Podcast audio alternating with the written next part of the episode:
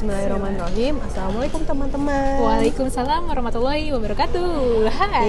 Oke, Kembali lagi di podcast aku Dina. Ada bintang tamu, namanya siapa Mbak? Ayo Karyani. Nah, Mbak Ayu ini sudah pernah ya eh, ngobrol-ngobrol di podcast aku sebelumnya. Dan sekarang kita mau eh, ngobrol lagi. Nah, saat ini kita punya tema yang mana judulnya adalah cerita hijrah. Kalau menurutku sih emang hijrah itu adalah proses yang tidak ada ujungnya ya, Iya. cuma sampai akhir hayat. Pokoknya Bener, hijrah itu sepanjang Heeh. hayat. Terus- Jadi dulu gimana sih Ayu menemukan satu titik, oh gue harus Hijrah. memperdalam eh, agama. gitu. Kan kalau hijrah itu kan otomatis kita mencari ilmu agama. kan. ya benar-benar. Nah titiknya itu apa waktu itu kamu? Kita tuh emang udah Islam sejak lahir kan, turunan. Cuman sebelum mem- memutuskan hijrah, Islamku tuh sekedar ya begitulah. Terus pikiran masih liberal banget. Emang tujuannya duniawi terus ya? Iya benar-benar tujuannya duniawi banget lah pokoknya gitu lah.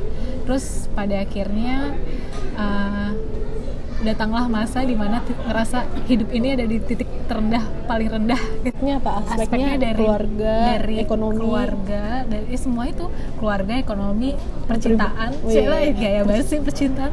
Jawabannya belagu banget sih. semua aspek itu kayak semua datang di waktu yang sama.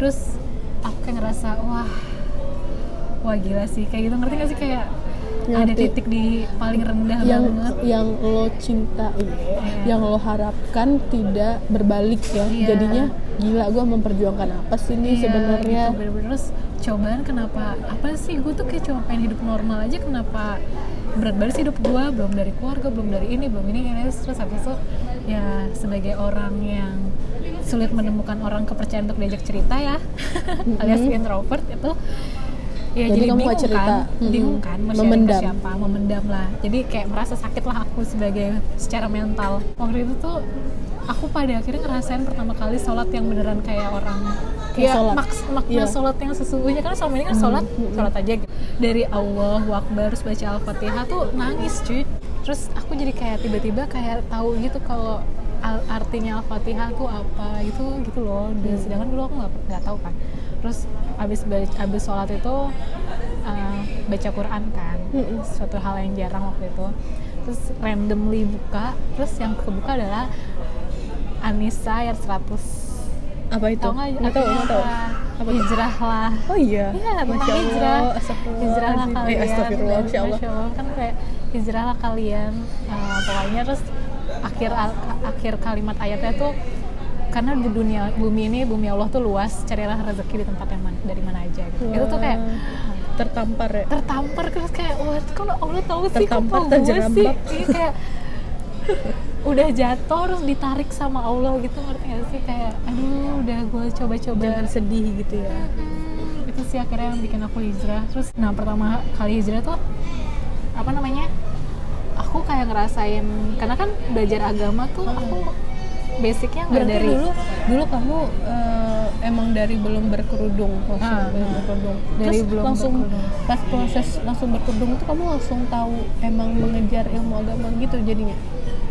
dari pas akhirnya memutuskan berkerudung itu Kamu tahun berapa sih berkerudung? 2014 ya ke 2013 Oh, iya. pokoknya proses akhirnya aku tahu keru- kerudung harusnya menutup dada gitu nggak pakai celana ketat itu jaraknya deket cuman cuman nggak nyampe setahun Wah, gitu Alhamdulillah ya, oke. alhamdulillah ya terus habis itu karena pas aku akhirnya memutuskan berhijab tuh karena aku ngerasa itu mbak itu datang dari hatiku sendiri kan Mm-mm. otomatis kan mau ada orang lain interupsi ngata-ngatain apa pun nggak ngaruh kan Mm-mm. terus sama proses itu aku bener-bener sepenasaran itu kayak tentang Islam kayak orang baru mualaf itu ngerti gak sih? Kayak Iya betul. aku banyak aku belajar Baru tahu ya? iya baca buku tuh sebanyak apaan tahu beli buku segala hal tentang Islam. Aku baca Al-Quran artinya tuh dari awal sampai akhir. Aku sampai bener-bener terus kayak ya setiap ayat Al-Quran tuh kayak wah kok aku baru tahu kok sih kalau ini sekeren ini gitu. Ke mana aja gue hidup puluhan tahun gitu. Karena ya udahlah akhirnya yang ngerasain kalau ternyata ya Islam lah yang terbaik gitu. Agama yang paling indah kayak akhirnya dulu tuh awal-awal hijrah tuh aku bahkan jalan jalan kaki nih pulang kerja gitu. Jalan aja aku tuh bisa nangis ngeliat pohon bergerak kayak wah ternyata tuh Allah tuh ada gitu. Masya Allah ya.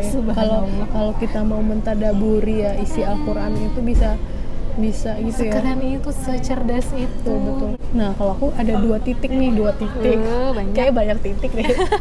jadi aku awalnya yang dari nggak berkerudung jadi Ah. berkerudung dulu nih itu waktu SMA. Jadi da- dari 2007 aku baru kerudungan. Dulu tuh aku juga aktif dalam berkesenian. Salah satunya adalah seni tari. uh penari satu ini dancer dance Jadi du- aku tuh emang betul-betul suka sama yang namanya seni. Nah, salah satu seni tari itu tuh bener-bener aku tuh sangatlah cinta. nari nari apa nih Nado aku nggak bisa nari loh aku kaku banget Aku tuh dari yang namanya tradisional sampai yang modern dance itu aku What? jabanin. serius Cinta itu tuh aku sama yang namanya musik dan seni tari itu Iya, emang aku iya, secinta itu. Bahkan tuh ibuku aja kan emang ya ibu ya namanya orang tua punya anak Hmm. ada bakat ya udah dia juga mensupport Hmm. masukin apa masukin masukin inilah sanggar-sanggar tari kayak gitu kan terus sampai pernah pas udah aku kerudungan Hmm. itu juga aku masih nari narinya nari tradisional nah dari situ kan masih pakai eh, apa masih pakai kerudung ya udah Hmm. yang bisa narinya tradisional tradisional kan sampai kuliah pun di kayaknya tingkat-tingkat awal aku juga masih ada tuh ikutan nari Hmm. pas kampus nah habis itu eh, di masa SMA itu aku memutuskan berhijab itu salah satunya karena eh, orang tuaku waktu itu baru pulang haji ada apa ya bahasan yang kalau orang tua kalau laki-laki itu nanti bisa diseret anak iya perempuannya iya gitu, karena gitu loh. Hijab tuh suatu hal yang wajib tapi karena lingkungan Iya, karena Jadi kayak budaya. tidak wajib. Iya. Bahkan aku aku ingat-ingat lagi sedihnya itu adalah pas aku waktu masuk SMP itu kan berarti ya mungkin setahun dua tahun aku habis balik lah, Hmm. balik itu masuk SMP papaku tuh udah eh, mendaftarkan mendaftarkan sekolah itu seragamnya anaknya berhijab. Oh, serius. Jadi so, papaku tuh udah bilang ini berhijab. Terus Oke. aku tahu kan, aku tuh nggak mau, aku tuh iya Oh aku mau my nangis. Jadi aku tuh menolak pada saat itu. Jadi pas awal SMA tuh aku menolak, aku nggak mau. Nah terus baru deh pas tahun kedua yang di SMA aku baru eh, karena aku mikirin yang papaku udah haji, terus dia rajin ibadah, masa gara-gara gue ini gue gue nggak nutup aurat, gitu ya. Hmm, kayak pokoknya karena orang tua deh, misalnya karena orang tua. Nah dari situlah pelan-pelan eh, bener sih orang bilang kayak udah hijab aja dulu, walaupun kelakuanku masih acak adut, Mencele-mencele. mencele-mencele. ya udahlah proses ber- ber- emang bener-bener berproses. Jadi Hmm. hijab itu yang bener-bener apa namanya eh, kayak rem kita nih, rem Iya, kita iya, berkelakuan gitu. Jadinya lama kelamaan aku jadinya kan menseleksi kegiatan. Iya. Jadi dari situ karena kan udah zaman zamannya kuliah, nah itu lumayan tuh banyak teman-teman baru, Hmm. terus yang mempengaruhi lah istilahnya yang yang mempengaruhi aku untuk eh, jadi lebih baik lagi. Nah, satu turning pointnya lagi adalah eh, kan aku udah berkerudung tapi masih ya udah masih pakai celana jeans. Nah, terus ada di satu acara aku nanya, jadi temanku ini ada eh, yang emang dia udah berhijab syar'i lah. Tuh dia udah pakai kaos kaki juga kayak gitu. Jadi aku nanya, kenapa sih aku melihat segerombolan teman-teman sejenis dia gitu. Ah, Maksudnya ah, ah, ah. "Ah, kayaknya kenapa sih kayak gitu nah aku deket sama dia jadi aku nanya kenapa sih kamu pakai kaos kaki apa orang-orang pakai kaos kaki Iya, Terus iya. dia bilang kan ka- ya kaos kaki kan juga aurat Hmm. ya kan hadisnya ini ini Hmm. yang nggak boleh kelihatan yang boleh kelihatan cuma tangan sama wajah nah Hmm. dari situ aku belajar jadi belajar besoknya aku beli kaos kaki padahal aku masih pakai celana Hmm. cuma dari situ aku belajar aku pakai kaos kaki dulu tapi lama kelamaan dari kaos kaki Hmm. itu pelan pelan aku jadi kayak nggak nyaman pakai celana Heeh, dari jadinya rok. lama-lama aku jadi pakai rok nah habis dari pakai rok nih awalnya tuh juga aku juga cuma melihat eh, ya udah orang kayaknya eh, kayak gini lah yang nyaman-nyamanan Hmm. doang sambil belajar bisnis juga jadi aku baca-baca juga baca-baca banyak tentang muslimah pakaian muslimah tuh harusnya gimana Iya benar semua. pas aku juga udah lumayan berkerudung yang kayak pakai rok Hmm. terus itu juga di 2014 kan eh, hits juga tuh hijab alila kan dengan Iya, iya, iya. dengan apanya dengan dakwahnya yang hijab syari itu kayak gimana. Hmm. nah dari situ aku baru mulai berhijab pakai gamis kayak gitu-gitu. Dari mulai situ aja itu masih kurang gitu loh ilmunya. Jadi Iya, masih benar-benar. cuma sekedar hijrahnya sekedar pakaian. Sekedar pakaian belum betul. akidah pikiran Iya, betul. mindset dan kawan-kawan. Heeh, betul. Ternyata kayaknya yang pikiran kita baru tahun lalu eh. Iya karena ya itu hijrah sih. itu proses nggak bisa cep buru-buru nggak bisa sekali baru ganti berhijab langsung menjadi suci tidak men. Proses semua jadi itu sampai mati. Proses jadi kayak yang tahun lalu kita sama-sama ikut ngefas walaupun beda apa namanya beda Region, batch. Heeh. region. baru kelihatan eh baru baru baru mendalami si tujuan sebenarnya tujuan hidup Iya, sebenarnya. terus apa makna dari Islam Islam yang kita emban jadi emang hijrah itu emang nonstop. Kita jadi sadar kalau ternyata dunia tuh tak adalah artinya. Tentang dunia hanyalah tempat beristirahat sementara. Masya Allah. Bahkan bukan tempat bukan berleha-leha ya. Iya harusnya benar-benar emang emang tempat perjuangan justru. Kita hijrah nih kita belajar. Kita belajar tentang akidah. Kita Mm-mm. kita otomatis sudut pandang berubah. Terus otomatis pola selain pola pikir berubah hmm, habit berubah gaya hidup berubah orang-orang yang belum paham akan bertanya-tanya kan wah ya contohnya nih kayak misalnya kenapa lo nggak ngerayain ulang tahun lagi? Gitu. Iya. Itu aku sempet bingung sih jawabnya bingung jawabnya ya tapi itu pasti buat orang yang nggak paham kan ya udah sih biasa apa aja sih lo gitu. lebay banget gitu? Iya. apa sih lo saklek banget? Apa sih lo fanatik banget gitu kan? Hmm.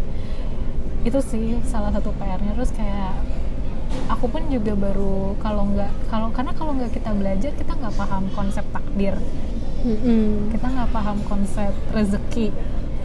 Benar-benar kita harus berproses. Kalau bisa aku bilang sih itu proses mengkaji Islam. Jadi kita never ending. Nah sekarang aja nih kita udah tahu.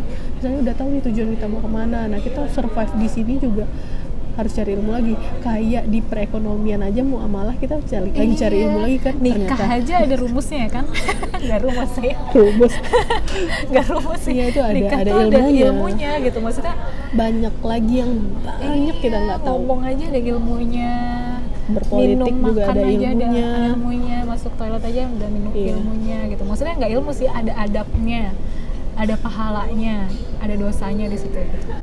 Banyak aspek yang emang tugas kita ya mau nggak mau harus mengkaji Islam dari A sampai Z dari segi kayak dari awal awal bangun sampai tidur lagi itu banyak banget ilmu yang kita belum tahu. Nah itulah proses hijrah yang sebenarnya sampai kita menutup Mata. di- ditutup usia gitu loh sampai tutup usia. Nah itulah proses. Semakin kita lebih dalam belajar Islam kita akan sadar ternyata Islam tuh seindah itu. Seindah itu. Sesuci itu yang nggak suci adalah manusianya nah, ya. betul. Se dosa manusianya. perfect itu sesempurna itu dan semasuk akal itu untuk segala aspek manusia ada di dunia ini. Ya udah kita tetap bersemangat mengkaji Islam terus sampai tutup Bismillah. usia terus beristiqomah. Istiqomah deket sama teman-teman yang satu frekuensi itu harus wajib hukumnya. Iya benar karena nggak bisa sendiri. Iya benar itu penting terus kalau kita udah hijrah kita belajar otomatis adab kita berubah. Otomatis dari itu hal itu juga termasuk bagian dakwah juga nggak sih? Ya nggak sih? Mm-mm. kayak betul ada kan adab kita akhlak. akhlak kita berubah adab kita berubah. Adab kita berteman adab kita ke orang tua adab kita ke keluarga otomatis kan mereka juga jadi menerima Islam Nah, sekian dulu lah ya obrolan kita tentang hijrah proses berhijrah Ya, semoga Allah, subhanallah. bisa menginspirasi ya lah maksudnya bukan menginspirasi juga sih aku yakin teman-teman teman-teman yang dengar banyak cerita hijrah Hmm. yang lebih menarik dan eh, memang apa ya memang harus kita syukuri Hmm. bahwa emang kita proses berhijrah itu never ending story dan harus kita eh, pertahankan terus. Sampai jumpa di podcast selanjutnya. Semoga bermanfaat. Assalamualaikum warahmatullahi wabarakatuh Waalaikumsalam warahmatullahi wabarakatuh.